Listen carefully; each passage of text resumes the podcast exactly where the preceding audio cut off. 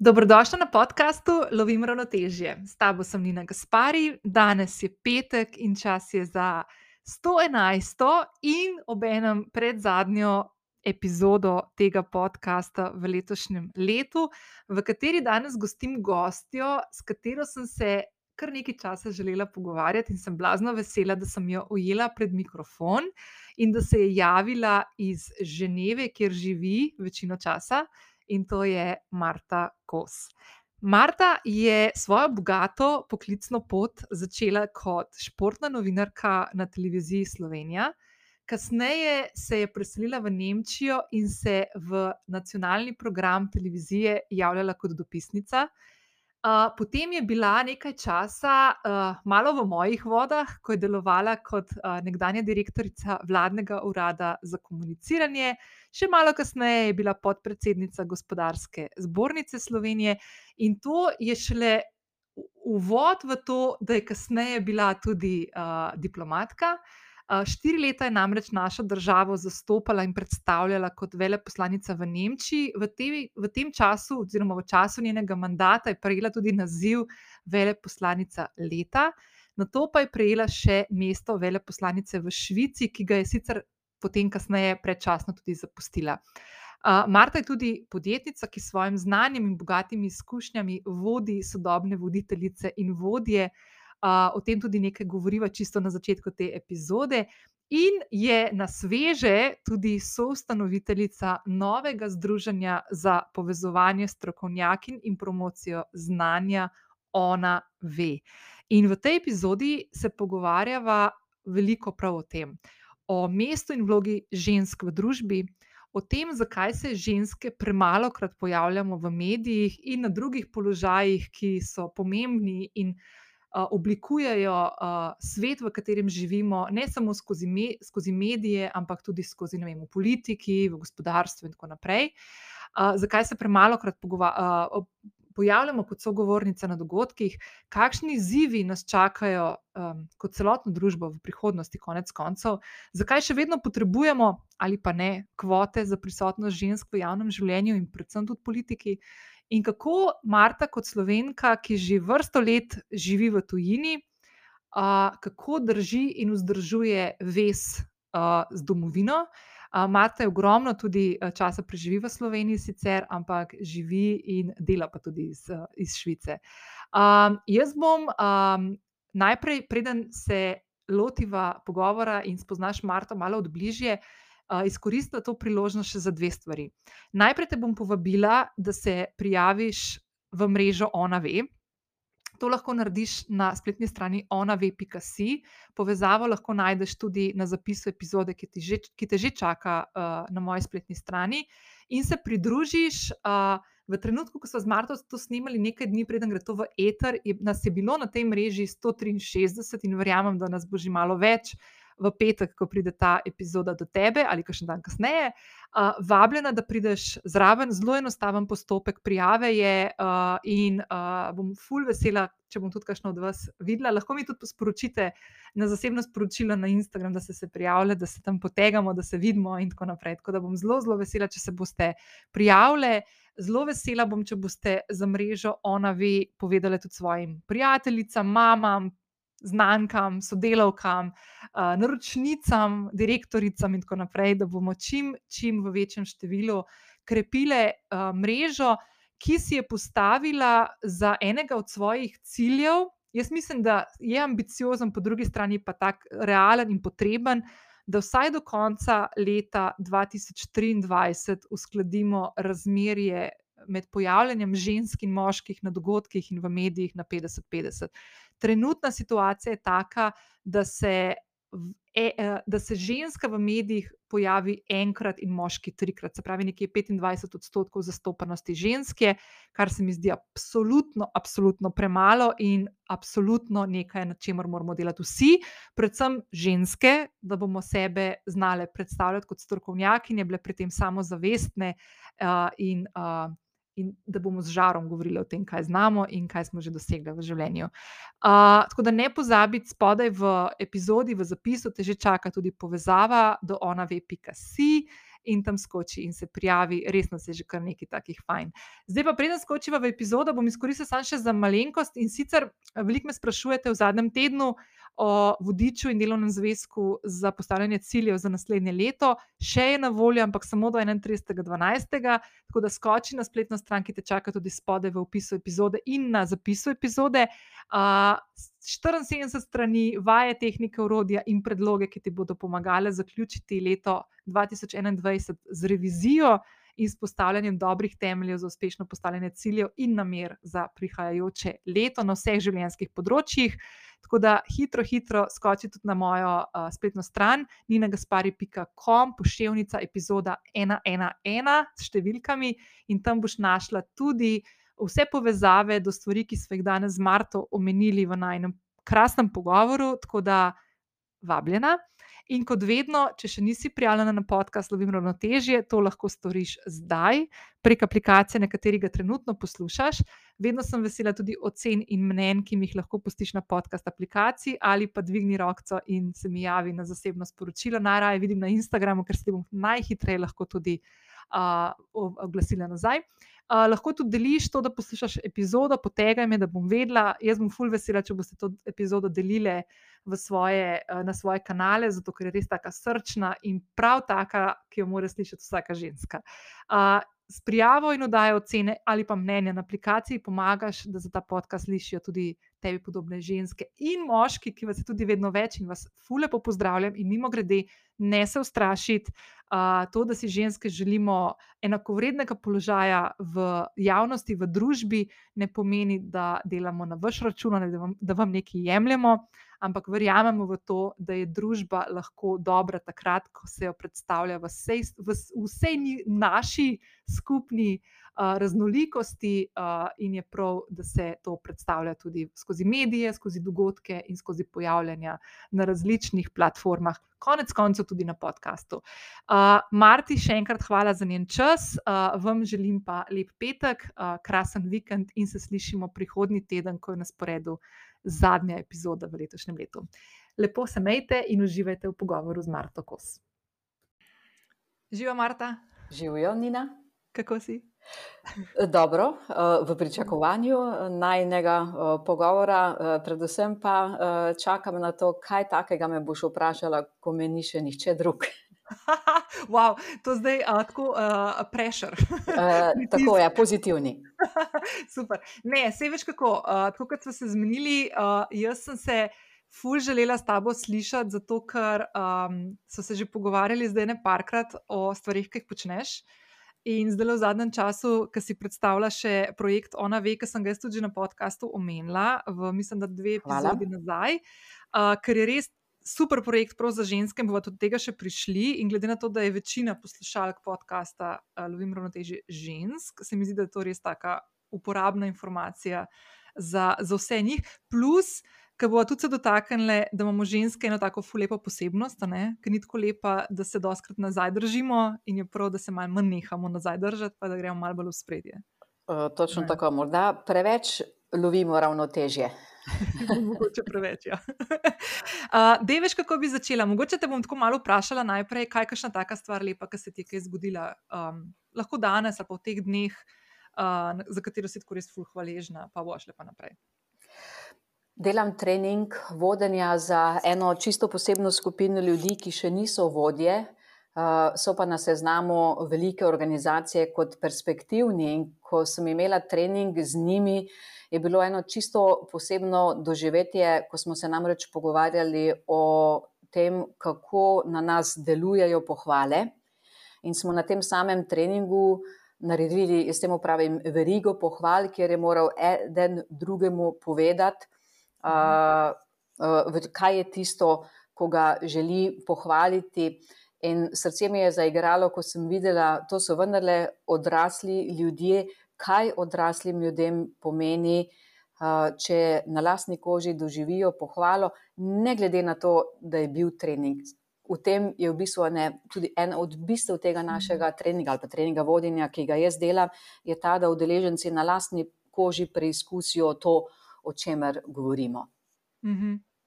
To so te stvari, ki se mi zdi, da dostakrat jemljemo take stvari kot neke mehke veščine, pa se pol ful izkaže, kakšno globino imajo in kakšen pomen nosijo na koncu pri nekem in pri postavljanju neke samopodobe ali pa predstavljanje na vzven in tako naprej. Se mi zdi, da so take pomembne stvari, ki ne vem, zakaj jim rečemo mehke, ki v bistvu so zelo trde. Ne, uh, drži in uh, zanimivo je, kako seveda ti spet treningi mehkih veščin, ko jih tako poimenujemo, kako vendarle uh, smo jih na nek način zanemarjali ali pa smo v Sloveniji kultura, ki tega na nek način nima v sebi. Recimo, če spregovoriva že o pohvalah ali o kritikah. Mislim, da nam v Sloveniji obojega manjka.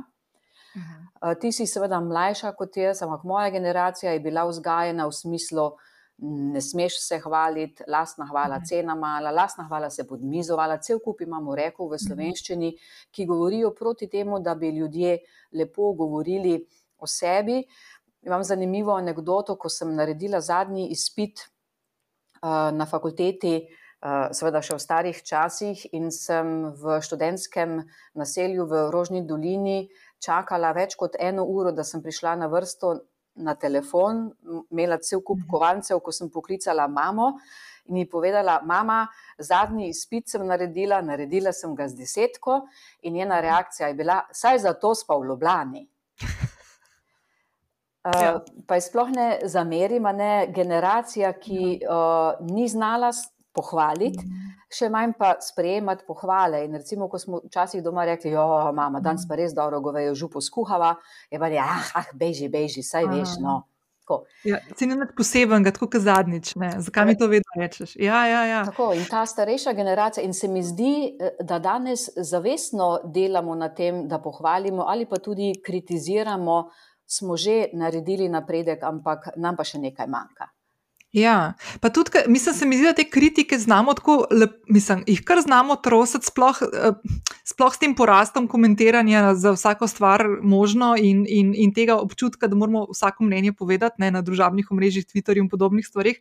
Pa se mi zdi, da tako, je pa treba neko tako konstruktivno kritiko ali pa nek argumentiran odziv, da tudi sebe, ne, tudi kam mogoče je kakšna stvar za neko rast ali pa za neko izboljšavo na drugi strani, da nekomu lahko pomagaš s tem, se mi zdi, pa tle, nam, pa tle nas pa zmanjka. Ne? Pa tudi vrstni red je uh, pomemben, oboje je potrebno in pohvaliti, in seveda tudi pograjati. Um, ampak najprej pohvalimo. Recimo v podjetjih veliko krat doživim, ko mi udeleženci pravijo, kako oni sami ravnajo, ali pa njihovi šefi do njih, ko rečejo: Ok, draga Nina, to si zdaj super naredila, ne bi izgubljala besed o tem, itak veš, da si dobra. Mhm. Daj pa se pa zdaj pogovoriti, kaj ga pa tu letko polomla. Mhm. In namesto, da bi uh, temeljilo naš feedback na tem, kar v bistvu feedback pomeni, ne feedback, beseda, ni posrečen slovenski prevod, pravimo povratna informacija. Mhm. Feedback, a ne na štajskem bi rekli nazaj fujtrat. Feedback pomeni nazaj nahraniti, pomeni dati povratno informacijo na način, da nahraniš ego. Če pa potem lepo zgolj ošvrkneš, uh, ustaviš se pa pretežni del pri tem, kar ni bilo dobro, seveda ne krepimo samozavesti našega, našega sogovornika. Uh, naše udeležence ali pa moje udeležence veliko krat spomnim na to, kako kot starši to izjemno dobro obvladajo ko recimo otrok nariše prvo čičko čačko ali bi prvo rizbo, ki je res čička čačka, in kako so ga sposobni pohvaliti za tisto rizbo, ko ni nič, mhm. in seveda delajo edino prav, in na ta način tudi krepijo prefrontalni korteks v možganjih, kjer je center za našo, za našo samozavest. In tu lahko mi veliko uh, naredimo, veliko prispevamo k temu, tudi ženske med seboj, da seveda si to samozavest krepimo. Mhm. Ej, ful mi je všeč, da smo začeli o tem govoriti, zato ker zdaj, če naredimo en tak um, um, konteksta, ne, da postavlja Martvo v neko življenjsko premico. Jaz verjamem, da veliko poslušalk za tebe, mislim, te pozna, oziroma če ne drugega, so že naleteli na tvoje ime. Ampak čistko mogoče, da prideva zdaj do te stopnje, ko ti svetuješ podjetjem in njihovim zaposlenim. Uh, kako je potekala tvoja zgodba od tiste zadnje desetke na fakulteti in tistega klica, ki si čakala, da mamo pokličeš? uh, Zelo zmešano. Uh, uh, moja karijera ali moj življenjepis je tako zelo pisan. Uh, sicer v današnjih časih je to uh, zelo pozitivno, ne, čeprav uh, sem že uh, proti koncu, bom tako rekla, ne, če bom penzijo kdaj dočakali, ampak vendarle uh, začela kot uh, novinarka, športna novinarka. Uh, 1. aprila 1989 je bila moja prva zaposlitev v športni redakciji televizije Slovenija.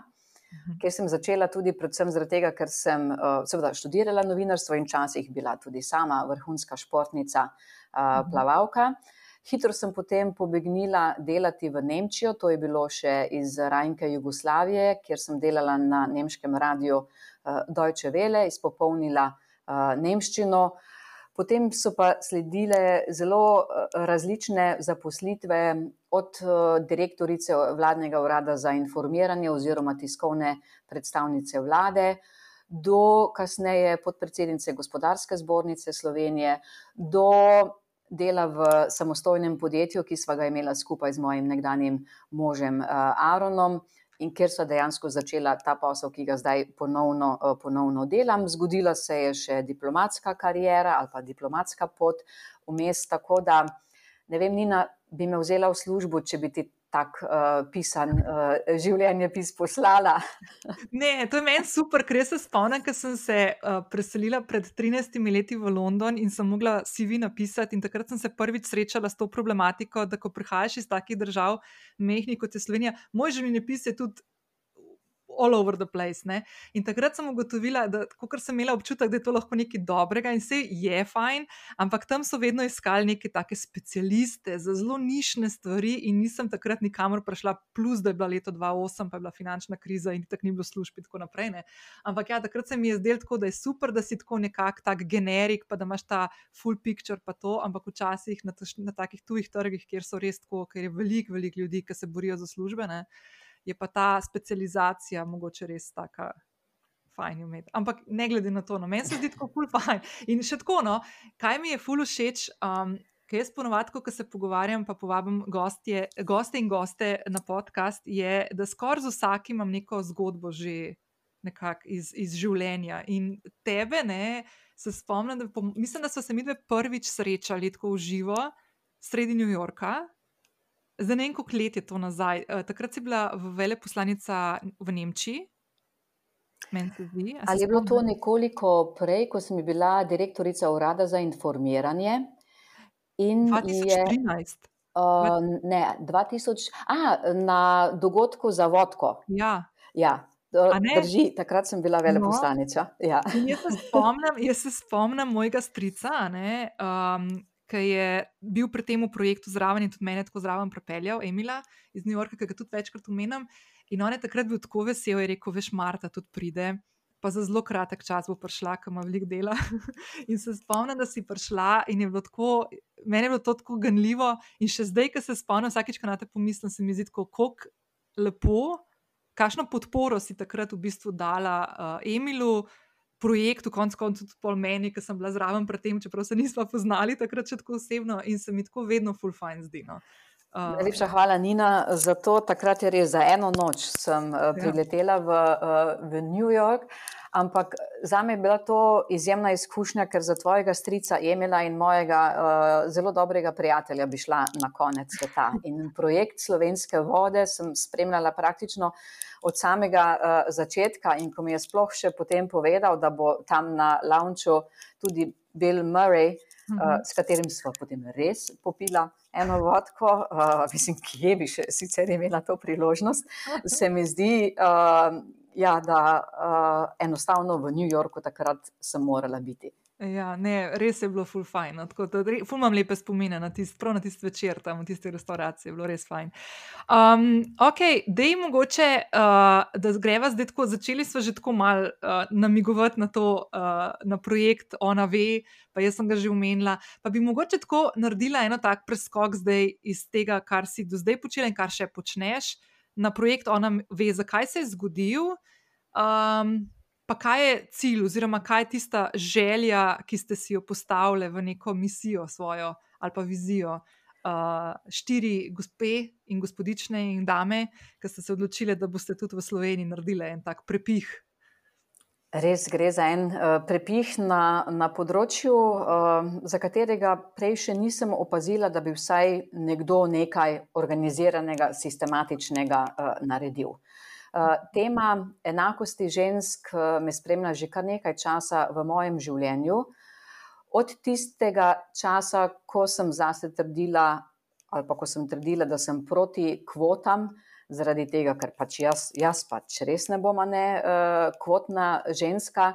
Do, do danes, ker mislim, da uh, kvote potrebujemo, vsaj na nekaterih področjih v, v našem življenju.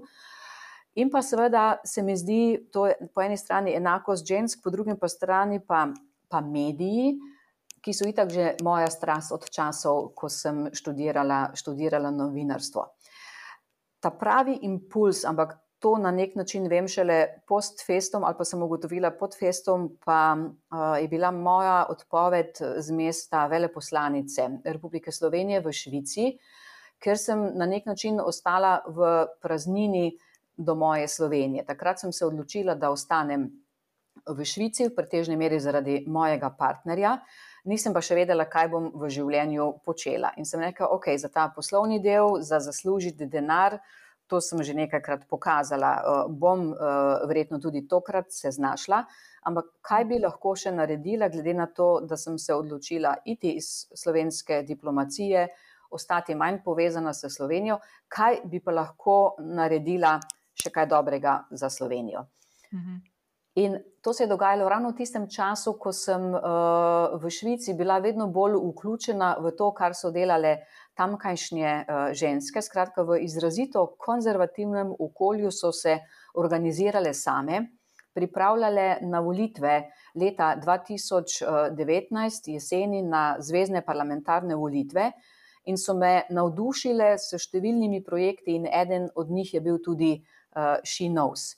In se mi je zdelo, wow, švicarke to delajo, kaj pa delamo uh, me v Sloveniji, oziroma kaj bi lahko jaz iz tega uh, naredila. Tako da prvi impuls je prišel od tam.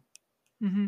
Pa čisto kot zanimivo za mogoče kakšne eh, poslušalke pa poslušalce, ki tega še niso, mogoče nimajo zdaj v mislih, da Švica, odkudar se tudi zdaj javljaš, ko se pogovarjava, ne, je ena od zadnjih, če ne celo zadnja država v, Evropski, v, v Evropi, kjer, kjer so ženske dobile volilno pravico. Mislim, da je točno pred 50 leti. Uh, tako, 1971. leta, Liechtenstein je še bil malo, malo za njimi, uh, ampak seveda podobni, uh, podobni državi. Je res zanimivo. Glede na to, da je bila Švica ena prvih držav, ki je dovolila, da so ženske šle študirati na univerzo, je pa mhm. trajalo še par desetletij, preden so jim dali uh, splošno volivno pravico. Uh -huh. uh, poleg tega je švicarska družba v primerjavi s slovensko uh, konzervativna. Mhm. Recimo, oni imajo nekaj, čemu pravijo po nemško Heiratsstrafe, poročna kazen, ko se moški in ženska poročita, uh uh, izdata samo eno davčno napoved. In ta davčna napoved glasi: prvo ime je ime moškega nikoli ženske. Aha. Pomeni, da se uh, na nek način, za me je to res uh, diskriminacija, v Švici Aha. to tudi vedo, ampak doslej še niso našli večine, da bi to spremenili. Ali drug primer v Švici, do četrtega leta starosti otroka obstajajo samo zasebni vrtci. Uh, ki pa stanejo od 1800 do 3500 frankov. Pomeni, če ima nekdo dva ali tri otroke, si, te, si to razen če izjemno veliko zasluži, težko privošči, izvira pa iz tega. Mhm. In to sem tudi vprašala na enem od pogovorov kot veleposlanica, zakaj presneto Švica ne poskrbi, da bi ženske eh, lahko bolj mirno šle delati ali pa si sploh privoščile eh, vrtec. Je bil odgovor, veste, gospa veleposlanica, če se eh, en par odloči, da bo imel otroke, mora tudi za nje poskrbeti in jih vzgajati. Ni naloga države, da poskrbi, da bodo na razpolago uh, vrtci. Se pravi, avtomatično se postavlja ženske v situacijo, da so za prva, naprimer, štiri leta otrokovega življenja doma in so gosp praktično gospodinje. Uh, tako, seveda, so tudi Razen, če, družine, ki si lahko, uh, ja. lahko privoščijo, ampak seveda zelo veliko stane.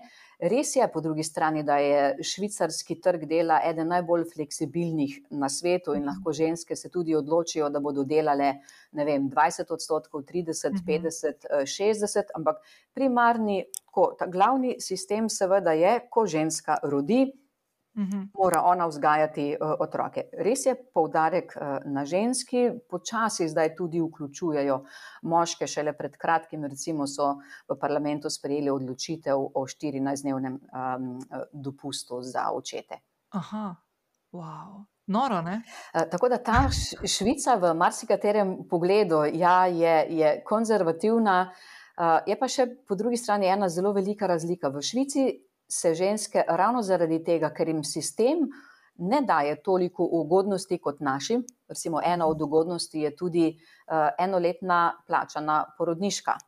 Uh mhm. -huh. Ko v Švici povem, da pri nas ženska lahko pri prvem otroku ostane doma 12 mesecev in da dobiva 100 odstotno uh, plačo, vijejo roke, ne kako si naša država lahko to uh, privošči, ja. pa seveda je Švica nekajkrat, eh, nekajkrat bogatejša.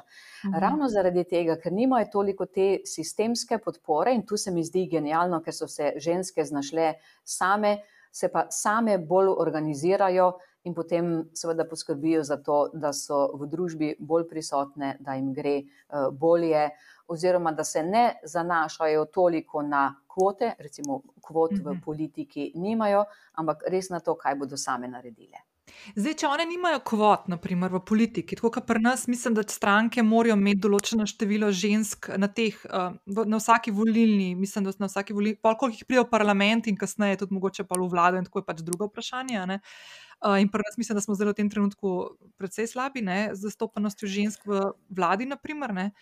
Ja, v vladi in v parlamentu trenutno nimamo trenutno, dobre, uh, ja. dobrega stanja. V našem parlamentu je 29 odstotkov žensk, v Švici, za primerjavo, jih je 42. Mhm. Uh, v naši vladi je 11, sta dve ministrici, ena mhm. od tega je brez lisnice, pomeni samo 11 odstotkov ženske v vladi. To je eden najslabših uh, rezultatov v zgodovini naše Slovenije. Ja. Pa za, da, da takoj povemo še to, ne? ker jaz tudi, naprimer, ko slišim kvote, imam občutek vedno, kot da dajo ženske v položaj žrtve, ki jim mora nekdo nekaj pomagati. Ja. Ne? Čeprav dejansko v naši družbi, nažalost, te kvote morajo biti, očitno pa uh, bi bilo verjetno še slabše. Zdaj si načela eno zelo pomembno temo, ki mene žuli tudi vse čas. Namreč tudi zdaj v projektu Ona ve, uh, smo ustanoviteljice, zlasti jaz, slišali očitek pa kaj se zdaj spet greste delati nekaj posebnega za ženske, saj smo vsi enakopravni. Ne. Ampak, draga Nina, naravni tok in vsi ostale, vse mhm. ostale, vsi ostali, naravni tok stvari je tak, da imajo vedno prednost moški. Pomeni, več jih je na vodilnih položajih, više plače imajo, več jih je tudi v medijih, če spregovorim o našem projektu. Pomeni, zakaj presneto se nikoli ne zgodi, da bi bil naravni tok stvari tak, da bi na vodilnih položajih bilo več žensk, da bi bilo v medijih več žensk. Mhm. Seveda, lahko bi zdaj z različnimi strokovnjaki, znanstveniki iskali odgovore, našli bi jih tudi v zgodovini, v ustroju uh, družbe, ampak presneto, dokler tok, naravni tok stvari ne bo sam po sebi tak, mhm. da bo dosegel, pa ne želim, ne, da bomo mi v boljšem položaju, enakost žensk, do mhm. takrat so potrebne kvote, do mhm. takrat je seveda vse potrebno boriti za, eh, za enakost eh, žensk. Mhm. Starejša, ko sem, bolj verjamem, da je to potrebno. Mhm. Pa ne, pa tudi ena druga stvar je, ne, da, da se mi zdi, da s tem um, izrazom feminizem se, se mi zdi, da se tako mal. Bom, bom kar uporabljal besedo prostituiral, da dejansko je dojemanje feminizma v tem, da se moške daje kao na stran. Pa, pa ni to bil point tega. Dejansko gre ne, ne da se moškim vzame, mejte, kar imate, super je, da imate, potrebni ste, nujni ste za družbo. Ampak moramo imeti pa tudi mi en položaj, ki je enako vreden temu, ki ga imate vi, ker konec koncev družbo sestavljamo praktično 50-50 odstotkov. En in drug spol. Uh, ravno za to gre. In, uh, jaz se res želim, ne, da ne bi bilo treba se nikoli več eh, boriti za enakost žensk. Kot si recimo tudi želim, da se nam nikoli več ne bi bilo treba boriti za pravice istospolnih oziroma LGBTIQ uh, community. Ampak naravni tok stvari seveda, seveda ni tak. In če pogledamo recimo naš projekt v uh, Ona ve, kjer smo se osredotočile izključno na pojavnost uh, žensk v medijih. Uh, slika trenutna ni rožnata, je pa približno enaka kot drugot po, po Evropi, kar pomeni, da je približno trikrat več gostov v uh, medijih in na javnih dogodkih moških kot pa, kot pa žensk. Mhm. Kaj je privedlo do tega, spet bi lahko razpravljali, ampak posledica, če je trikrat več moških kot žensk, pomeni, da seveda nam dogajanje tako v Sloveniji, kot tudi drugot, razlagajo pretežno moški skozi moška očala. Uh -huh. a je to dobro ali ne? Mislim, da ni dobro. Se povrnem k temu, kar se prej rekla. Nas je v Sloveniji približno 50 uh, odstotkov žensk, 50 odstotkov uh, moških. Na nek način bi bilo pravično, da nas je tudi v medijih enako. Uh -huh to, uh, to je točno to, kar si uh, izpostavila na predstavitvi uh, projekta Ona Ve, mislim, da je bila zdaj kakšne dva tedna nazaj. Uh, in sem se prav zgrozila ob teh podatkih, ko je bilo 24 odstotkov uh, žensk, ki se pojavljajo v medijskih objavah širših, ali so to intervjuji, ali gre to za neke strokovnejše, daljše izjave. Uh, v medijskih prispevkih, zdaj le v zadnjem obdobju, mogoče uh, imamo občutek lažni, da je tega več, zato ker veliko žensk vidimo nastopati, predvsem zdaj v uh, luči COVID-a in tako, ker so mhm. večinoma ženske tiste, ki zastopajo uh, strokovno skupino in epidemiologe. Ampak ne glede na to, je številka res slaba. In uh, ta občutek, da nam um, realnost, ki jo dobivamo od medijev, ki ustvarjajo neko javno mnenje in uh, svet, uh, nekako utemeljujejo svet, v katerem mi živimo, se res predstavlja skozi moško perspektivo, kar ni dejansko celotna perspektiva človeka. Mislim, imamo ženske, veliko drugače gledamo na kakšne stvari, ne nujno nasprotujoče, ampak mogoče na drugačen način, kakšne stvari se lotevamo, kar se konc koncev mogoče tudi v zadnjih teh mesecih zelo skačem vid, v, naprimer, kako se kakšne države, ki imajo ženske voditeljice, eh, soočajo eh, z epidemijo, eh, z, z epidemijo predvsem na, na nivoju. Empatičnega nastopanja in komuniciranja z državljankami in državljani. Ne. Tukaj mogoče vem, izstopa Nova Zelandija, mogoče, naprimer, uh, kjer se mi zdi, da ta komunikacija res bila vedno malo bolj prijazna in spoštljiva. Uh, Um, tako da zdaj enega od ciljev, ne, ki si je zadala skupina Ona Ve, oziroma ustanoviteljice, ste si ga zadale, je, da bi se nekako ta medijska uravnoteženost uh, in zastopanost, pa ne samo medijska, tudi konec koncev na dogodkih, ne, uh, da bi se nekako približali številki 50-50. Uh, kaj so tisti, mogoče še Marta, tako da se dotaknemo razlogi, ker ni, ni samo tako, da ženske ne pridemo zaradi tega, ker moški vzamejo vse žaromete na sebe, da ne bomo zdaj tako bile krivične, ampak da dejansko imamo ženske, mogoče tudi malo tukaj notranjih teh bojev, presep, uh, ki jih dajemo, čez, ki jih mogoče moški ne, s tem, da se sploh pojavimo nekje ali pa da sploh povemo svoje mnenje. Kje so tiste stvari, mogoče, um, ki ste jih opazili, oziroma jih ti opažaš pri delu? Pri tem nikakor ne želim kriviti medijev, da so oni tisti, ki preprečujejo ženskam, da bi več uh, nastopale. Uh, nasprotno.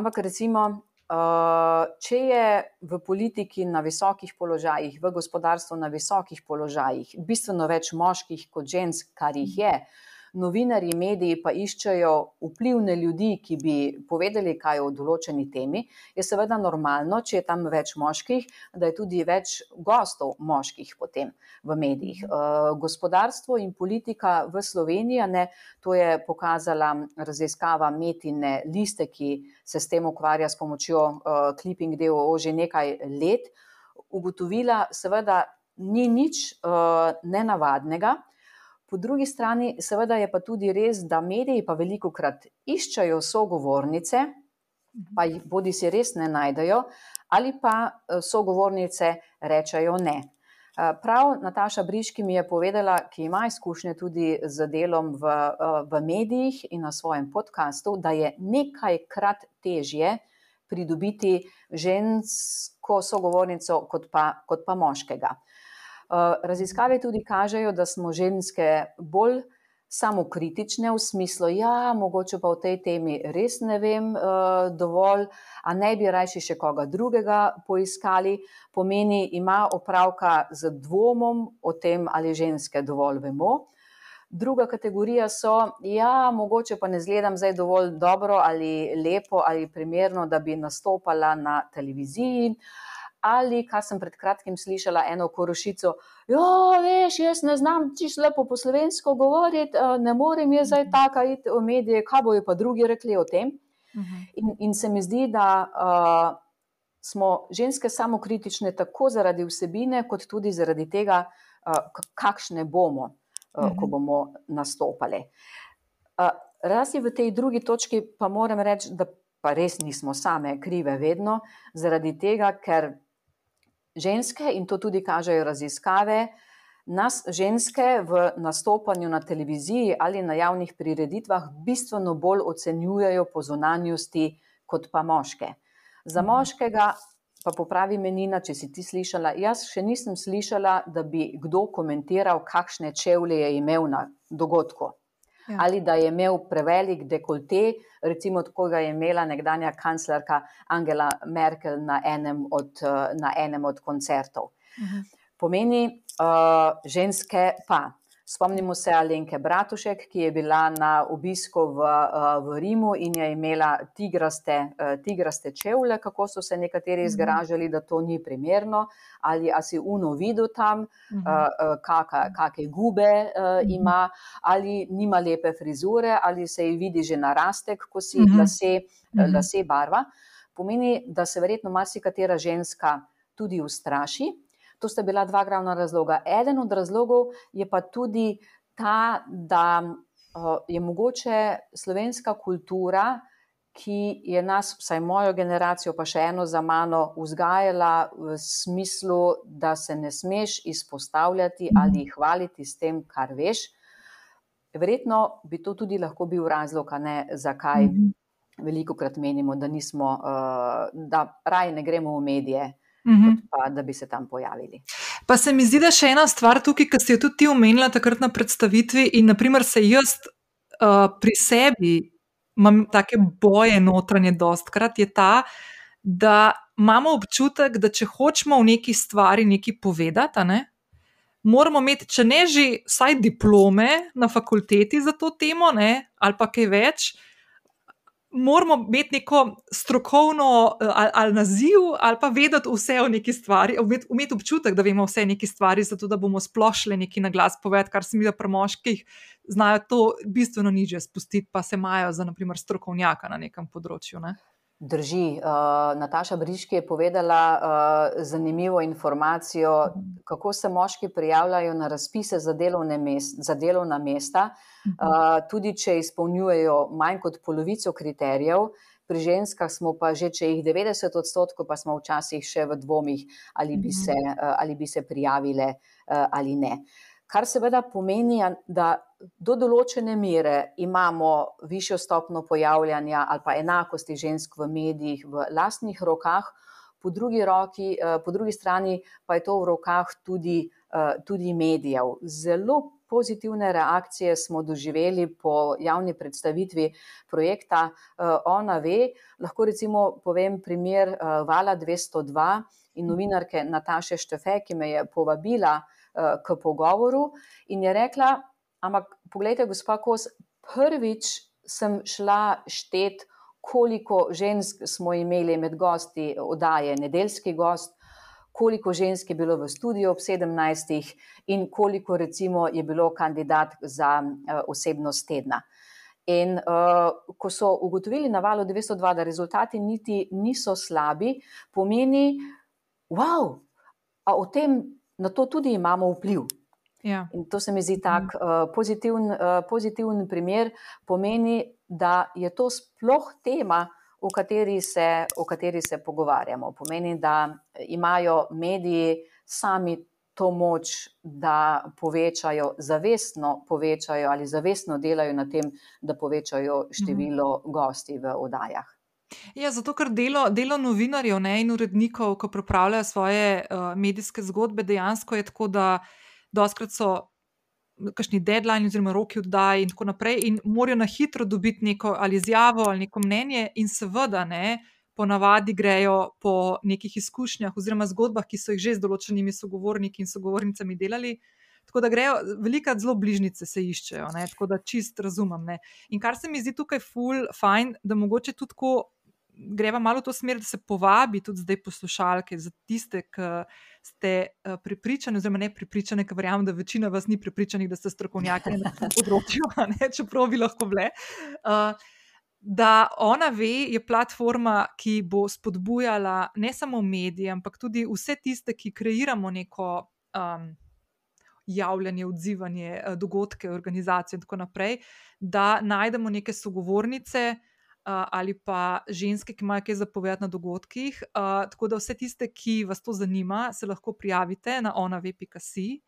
Uh, ni težko, uh, poklukate stvari, tiste področja, uh, za katere uh, menite, da imate kaj zapovedati, uh, imate kakšno mnenje ali pa izkušnje, in tako naprej. In ste tam, ne? zato da mediji in tisti, ki bomo mogoče tudi za podcast goste, ki iskali, da lahko nekaj sogovornice najdemo. Ne? Eh, hvala, Nina, za to res. In uh, brez skrbi, če se že sprašujete, ali ste strokovnjakinja ali ste, zagotovo ste. Akademska izobrazba pri tem ni pomembna. Rada povem pri spodobu. Uh, ena korošica, ki peče odličen črn koroški kruh, ki ga res ne dobite nikjer drugje po Sloveniji, je zagotovo strokovnjakinja na svojem področju. Mhm. Ali ženska, ki odlično obvlada zelišča, mhm. je tudi strokovnjakinja na svojem področju. Pomeni, res ni pomembna eh, izobrazba. Upis na to platformo, mrežo je seveda za ston. Um, mi pričakujemo, trenutno imamo uh, man, nekaj manj kot 170, skratka, pridno, uh, pridno rastemo. Uh, želimo si, da bi jih imeli vsaj kakšnih uh, 400 iz zelo različnih profilov. Trenutno nam manjka z tehničnega področja, naravoslovnega uh, področja, ampak gre počasi, tukaj gre naprej. In ko bomo imeli eno tako bazo, strokovnjaki, zdaj še že dogaja, da jih mediji iščejo in tudi uh, najdejo. Uh, imamo gostjo, ki je par dni po javni predstavitvi projekta že nastopila v, v medijih. Um, Mariborski studio RTV Slovenija pripravlja eno od novoletnih omizij, kjer so želeli imeti same ženske in takšne, ki so na naši mreži uh, Ona ve, pogovarjali pa se bodo o izteku leta, kaj nas čaka v novem letu. Skratka, tudi želijo na nek način ta uh, ženski pogled na to, kar se nam trenutno, uh, trenutno dogaja v družbi. Tako da, prosim, drage strokovnjakinje, kar pogumno. Evo, super. In tudi v zapisu epizode bodo linki, tako da lahko skočite tja, se prijavite. Prijete zraven, se že kar neki gor, tako da 163, točno, sem pogledala, prej smo se danes dobili. Tako da, ja, ful lepo raste in dejte, zato ker če bomo hoteli družbo spremenjati, moramo pač res skupaj. In ena od stvari, ki se mi zdi, da zdaj v zadnjem letu, dveh, odkar imamo te neke nove razmere in situacije in novo realnost, je področje življenja, ki ga je še posebej doletela ta pandemija, no, je, so tudi ženske, ki so prevzele na sebe spet ogromno enih stvari, tako zelo samo po sebi umevno, in se mi zdi, da je full fajn, da začnemo te stvari spet malo.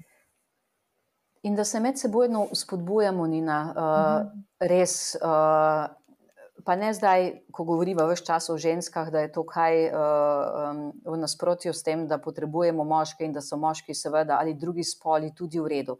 Zagotovo so, da bo ta projekt uspešen, potrebujemo vse. Uh mhm. -huh. Pomeni pa seveda to, da uh, se mi zdi ženske, ki smo zaposlene s toliko stvarmi. In veliko krat po službi drvimo domov, da zmoremo vse tisto, kar moramo postoriti še doma, enostavno nimamo časa, da bi se uh, kdaj dobile, in enostavno eno uro se srečale in se pogovarjale o tem, draga Nina, kaj pa je tebi ta teden dobrega uspelo, mhm. kaj si naredila dobrega. Uh, cilj te naše mreže, ona ve, je tudi ta, da se bomo neformalno družile in si izmenjavale znanje. Kaj to pomeni? Recimo, Jaz nisem strokovnjakinja za varstvo podatkov, kot je ena od naših ustanoviteljic, ali nisem, ne spoznam se na fotografiranje. Je pa ena od pomembnih stvari, ne, kako se fotografiramo, da izpademo lepe. In bomo povabili eno fotografinjo, da nam da par osnovnih, osnovnih napotkov. Ali, če se danes toliko govori o tem, ne, kako je dobro, da znamo usklajevati delo in pa zasebno življenje, dobimo eno strokovnjakinjo o tem. Ali na naši mreži že imamo strokovnjakinjo, ki se ukvarja z raziskovanjem spanja. Pomeni ta knowledge sharing, delitev znanja med nami, bo tudi ena od pomembnih točk, ki jo želimo pri Ona ve doseči. Tako da, če med vašimi, našimi poslušalkami je danes tudi kakšna, ki pravi: Wow, jaz mislim, da bi bilo dobro, da se dobite pri meni, v mojem podjetju, ali da se dobimo na eni nevtralni lokaciji. Jaz pa res mislim, da vam imam to in to zapovedati odlično, z največjim veseljem. Ja. Ne, to je super, to je fajn.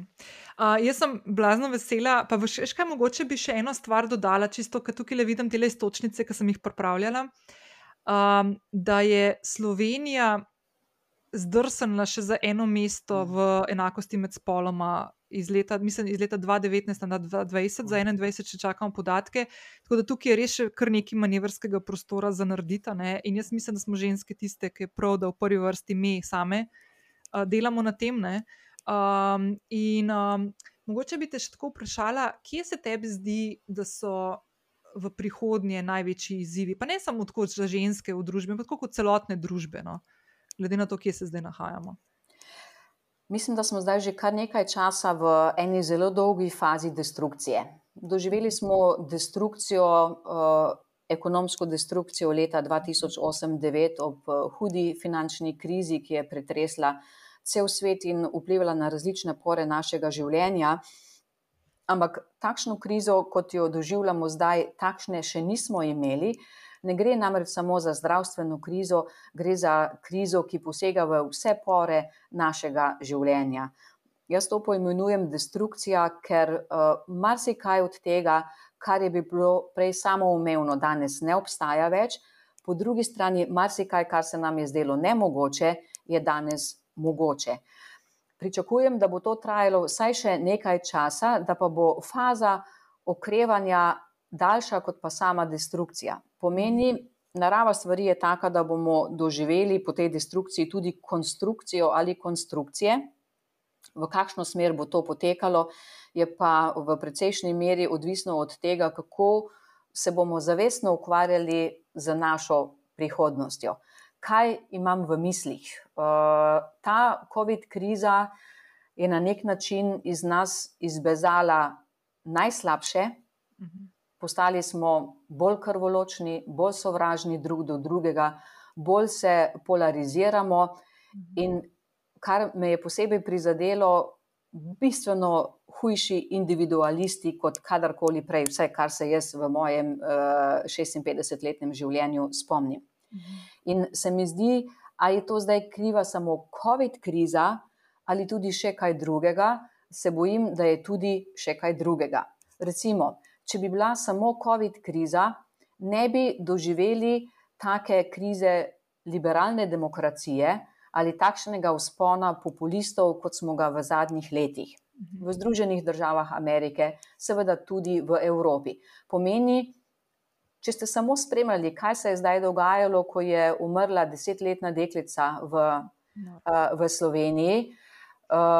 Kurjo kožo sem dobila, ko sem prebirala mnenja pa moram povedati na glas, pretežno tistih, ki razmišljajo desno od politične sredine, skratka konzervativni in katoličanov, Nina, in mhm. katoličanov, ki so krivili mamo, zakaj za vraga se pa spravlja iti ilegalno čez mejo. Pa kaj se nam je zgodilo za vraga? A smo sploh še ljudje? To je, jaz sem, par, jaz sem kar malo zaprla, uh, ker me je bolelo vsakeč, ko sem videla kakšno stvar, kjer je bilo zraven še hudo mi je, ampak, ne, tle ne pa še ampak notri. Sploh in se mi zdi, da je to tak uh, odziv privilegiranih, belih, nažalost, ne večinoma belih prebivalcev naše zemlje.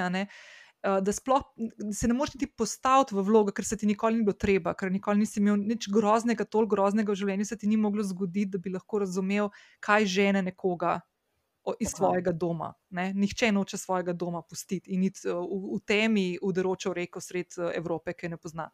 Uh, in kakršen koli med tukaj um, odziv na to, ki ni samo sočuten in empatičen, in da se vprašati, kaj lahko naredimo boljše, da se to ne bo več zgodilo, ne? enemu otroku, drugemu ali pa, ali pa odraslemu, je, je podan. Nimam druge besede. Ampak pred leti se mi zdi, da to ne bi bilo mogoče in da zdaj v tem času, ja. ali so ljudje eh, enostavno dobili pogum in brezsramno izrečajo na glas vse, kar je v njihovih glavah, ampak da sploh taka misel ja. uh, se nekomu res uh, porodi. Uh, to je tisto, ko mislim na neko je faza destrukcije, ko se res uničuje nekaj, kar je bilo bazično. Um, um, prej si govorila ne, o položaju žensk v Sloveniji. Zadnja leta doživljamo sistematično slabšanje položaja uh -huh. žensk. Uh -huh. Je nekaj nemogočega uh, v smislu, ali se res moramo ponovno začeti spraševati o pravici do splava. Ja. Jaz dopuščam, da so ljudje absolutno, ki seveda se ne strinjajo s tem, da ženska splavi. Jaz mislim, da tudi zelo veliko žensk, ki naredijo splav, bi naredile vse, kar bi bilo možno, da jim tega ne bi bilo potrebno narediti. Ampak pravica do splava je naša, zapisana, seveda, v našem pravnem sistemu.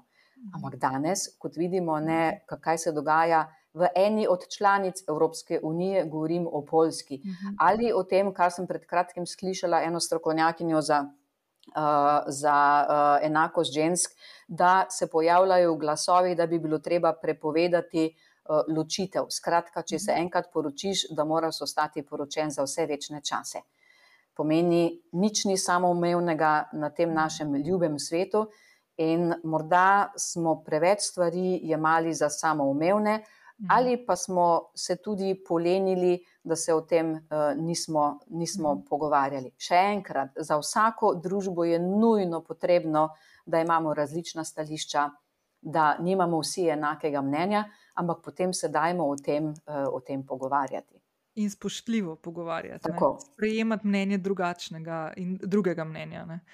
Um, ja. ne, se mi zdi, da imamo tako. Um, eno tako resno preizkušnjo pred sabo, ker po zadnjič sem poslušala en podcast o španski gripi in kaj se je vse potem dogajalo po tistem letu 1919. Um, kaj vse je bil spon uh, nacizma in fašizma, in potem druga svetovna vojna in uh, finančni zlom na Wall Streetu 29. leta in tako naprej. To, kaj enih stvari se je že zgodilo po takih uh, izkušnjah, ki je dalo človeštvo skozi, da bi si res želela, da se bomo leta 2022 uh, spomnili in mogoče na teh izkušnjah tudi bazirali potem nove odločitve, da ne bomo šli spet v, isto, v isti krok. Še dodatne destrukcije družbe, ki si, rekla, da se zdaj dogaja. In se blazno strinjam s tabo, da res ni, ni ok, vse, vse možne potegnili ven. Ne. Tako da ja. Um, ama, a še, še kakšno stvar pozabili? Uh, predvsej stvari smo tudi uh, povedali.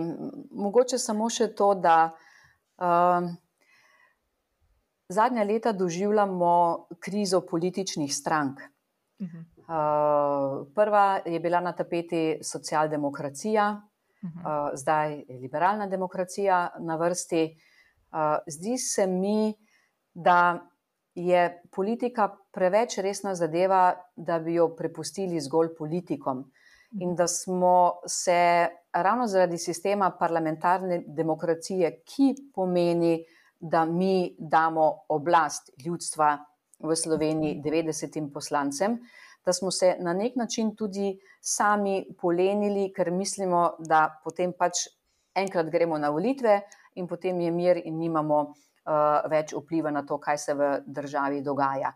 Mi imamo še kako velik vpliv na to, kaj se v državi dogaja in to se mi zdi pomembno poudariti, da je referendum o vodi v Sloveniji pokazal, da je možno angažirati ljudi iz različnih ideoloških kotov ali pa sploh ne ideoloških kotov. Mhm. Pomeni angažirati ljudi, ki se borijo za en, za en skupni cilj. Uh, pred kratkim smo se s švicarskimi in pa slovenskimi prijatelji pogovarjali o tem, kako švicari vidijo Slovenijo.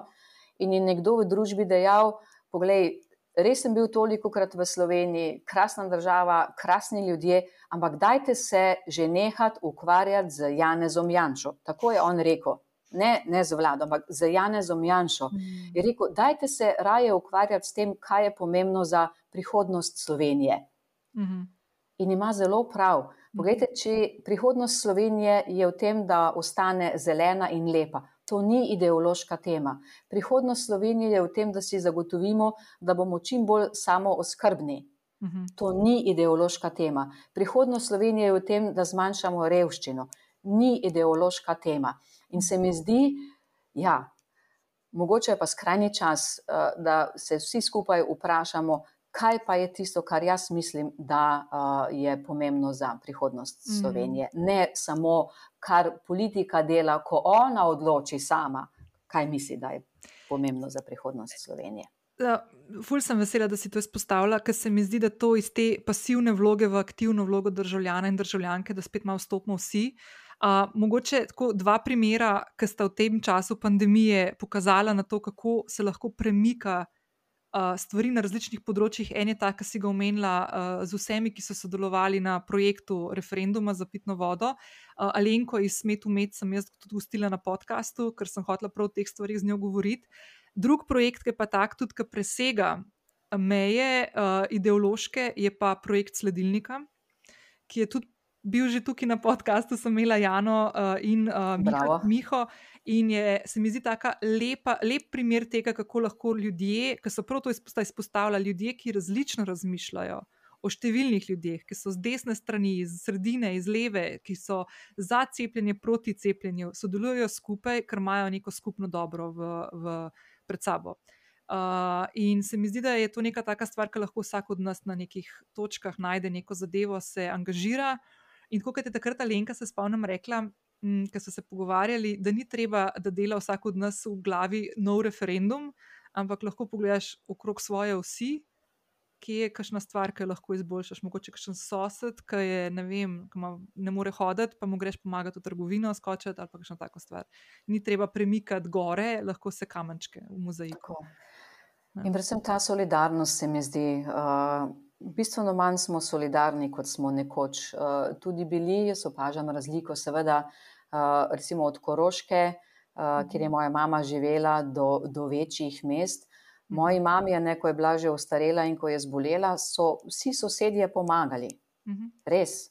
Mhm. Mama je pa za nje pekla, buh, pekla buhle in pa potico. Mhm. Na en nek način, uh, daj dam sistem, uh, v smislu, sosed gre v trgovino, sosed pride pošraufati uh, radio, sosed pride pomagati uh, narediti uh, to. Uh, naša mama pa vrača na način, kjer je ona najboljša, skratka, da speče kaj od njenih, od njenih dobrot. Pa brez kakršnega koli izpraševanja oziroma razmišljanja o tem, aha, uh, zdaj bom pa jaz to naredil, pa bom nekoč dobil nazaj. Sploh Ni ne. tega. Ne. Ne. Ne. Veš, to mi je mogoče čisto, da en tak, en tak krok narediva od tega uh, najnega začetka pogovora, ko si omenila, da si razmišljala, ko um, si ostala v Švici uh, in si pustila diplomacijo in službo v diplomaciji, kako imeti to vest Slovenijo. Uh, se mi zdi, da je ena taka lepa stvar, ki se mora vsak od nas mal zavedati, da smisel v življenju ali pa predelu, ki ga upravljaš, je samo en del tega, da je to nek tvoj notranji smisel, drugo je pa, da je nek družbeni smisel, da nekaj, kar delaš, delaš zato, da sebe usrečaš in da delaš okolje, v katerem živiš boljše in lepše. Ne? Ja, in recimo tako posredno ali direktno smo pokritizirali tudi sedanjo oblast. Uh -huh. Vsaka vlada ima eno zelo enostavno nalogo: delati v dobro svojih državljanov. Uh -huh. Kako zelo enostavno načelo pomeni ob vseh odločitvah, ki jih sprejema vlada ali njeni ministri, bi moralo biti samo eno vprašanje: ali je to dobro za naše državljane? Mhm. Tako zelo enostavno, da je že banalno, ampak na tem, na tem temelji demokracija, mhm. oblast ljudstva, pravimo. To se sliši tako politično in tako visoko leteče, ampak točno, točno za to tudi gre. In se mi zdi, da včasih zdaj prav izgubljamo kompas, kaj je prav in kaj je narobe. Moja mama še osnovne šole ni imela končano, ni mogla končati med drugo svetovno vojno. Pa sem prepričana, da je v vrednotah bila bistveno boljša kot marsikateri visoko izobraženi ali z doktorskim naslovom. Res. Uh -huh. Uh -huh. Ki, ki dobiva tudi veliko medijskega prostora. uh, točno, uh, točno, točno tako. Ja. In, in se ja. mi zdi, uh, njene, njene vrednote. Recimo, nikoli ne bom pozabila na ekologija, ločevanje odpadkov. Uh, moja mama je na, uh, bila stara 89 let, ampak ona je celo življenje najboljši ekolog. Celo življenje je prala plastične vrečke in jih shranjevala. Celo življenje je zbirala papir in seveda še posebej je zbirala zavijalni papir, zdaj se bo marsikdo verjetno zasmejal, ampak prav hrčkala je v smislu, bomo to še porabili ali mašnice od kakega, od kakega darila. Kar smo metali stran, je bilo res, pa še tisto, kar so bili kakšni biološki odpadki, mm -hmm. da ne govorim o tem, kako je bila iznajdljiva, ko nam je potem kuhala uh, iz, od, od, iz odpadkov ali pa recimo iz stvari, ki so tudi ostali. Pomeni, a veste, skoraj 90 let je bila stara, ni, ni bilo treba učiti ekologije, na nek način je imela to, uh, to v sebi. Ja. Ne, to, to, zdaj, zdaj pa plačujemo drage spletne tečaje, da se učimo. Vem, da bi mogoče kakšno babico svojo še vprašali. uh, tako, tako tudi, ja, ne. In ja. tako da se mi zdi, uh, včasih je vendar je treba pokukati, kaj so uh, naši starši ali stari starši že delali dobrega in tisto enostavno uporabljati tudi še danes v obdobju digitalizacije in, uh, in norega sveta. Morda bi nam šlo ja. tudi bolje bolje in bolj mirno bi živeli. Ja, pa mogoče bom še to istočnico, ki si jo predala za, uh, za to, da so uh, ljudje, ki vodijo našo državo, ki, so, ki smo jim to zaupali na volitvah, ne, so v službi nas, državljank in državljanov. In ne samo, da je prav, da bi se zavedali, da morajo gledati na to, kar si ti rekla, da je malo že banalno, enostavno, ne, da ali je to dobro za nas, vse skupaj, za našo družbo, da to moramo tudi mi, kot državljanke in državljani, zahtevati. Ja. Uh, tako da uh, bomo imeli malo priložnost te stvari tudi uh, nagraditi ali pa grajati. Da, ja. Drži, najpomembnejše je, da ljudje gredo na volitve. Uh mhm. -huh. Res, vseeno, zakaj boste volili, ampak pojdite, pojdite na volitve. Ne prepustite, da bo seveda potem, veste, manj ljudi, ko bo šlo na volitve. Uh, manj ljudi bo dejansko imelo vpliv na to, ja. uh, kakšna bo naša nadaljna vlada, kakšen bo naš nadaljni, nadaljni parlament. Jaz si zelo želim, da se bo veliko žensk odločilo, da bodo mhm. kandidirale in da bo tudi seveda veliko žensk potem prišlo v parlament in da bomo uh, povečali res delež žensk v naši vladi. Mhm. Super. Marta, jaz te bom za na konec še nekaj vprašala, ker ti nisem poslala med istočnice in sicer veš, kaj me zanima. Um, a je kakšna knjiga, ki si jo prebrala, lahko v zadnjem času ali pa tako v življenju, ki ti je ostala v spominu ali pa mogoče res močen vpliv pustila na tebe, pa bi jo podelila? Um, več, imaš več knjig. uh, prebrala sem uh, knjigo uh, Anne Applebaum, uh, ameriške novinarke. Uh mhm. -huh. Eh, ki je napisala knjigo Zaton demokracije. Uh -huh. uh, knjiga me je šokirala. Uh, ameriška novinarka oziroma publicistka je poročena z nekdanjim polskim zunanjim ministrom Sikorskim. Uh -huh.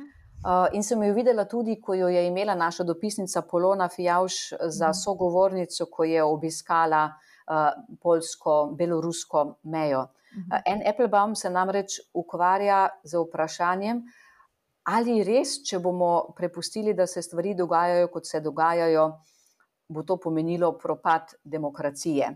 Opisuje ne samo Polsko in Mačarsko, opisuje tudi Italijo, opisuje recimo tudi uh, Veliko Britanijo.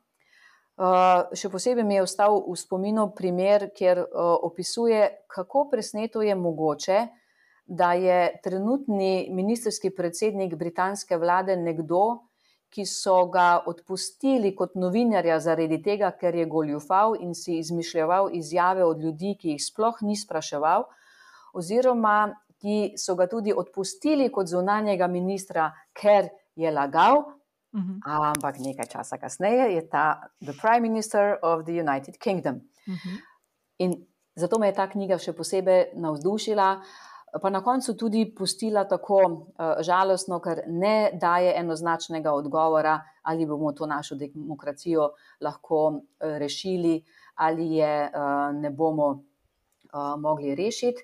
Potem pa sem prebrala tudi knjigo od Alenke Stanič, uh, Ženska dobre reje, Uh -huh. uh, ki govori o tem, kako se je, in to je autobiografska knjiga, ne, um, gospa Staničeva prebijala uh, skozi uh, življenje, kaj se je dogajalo.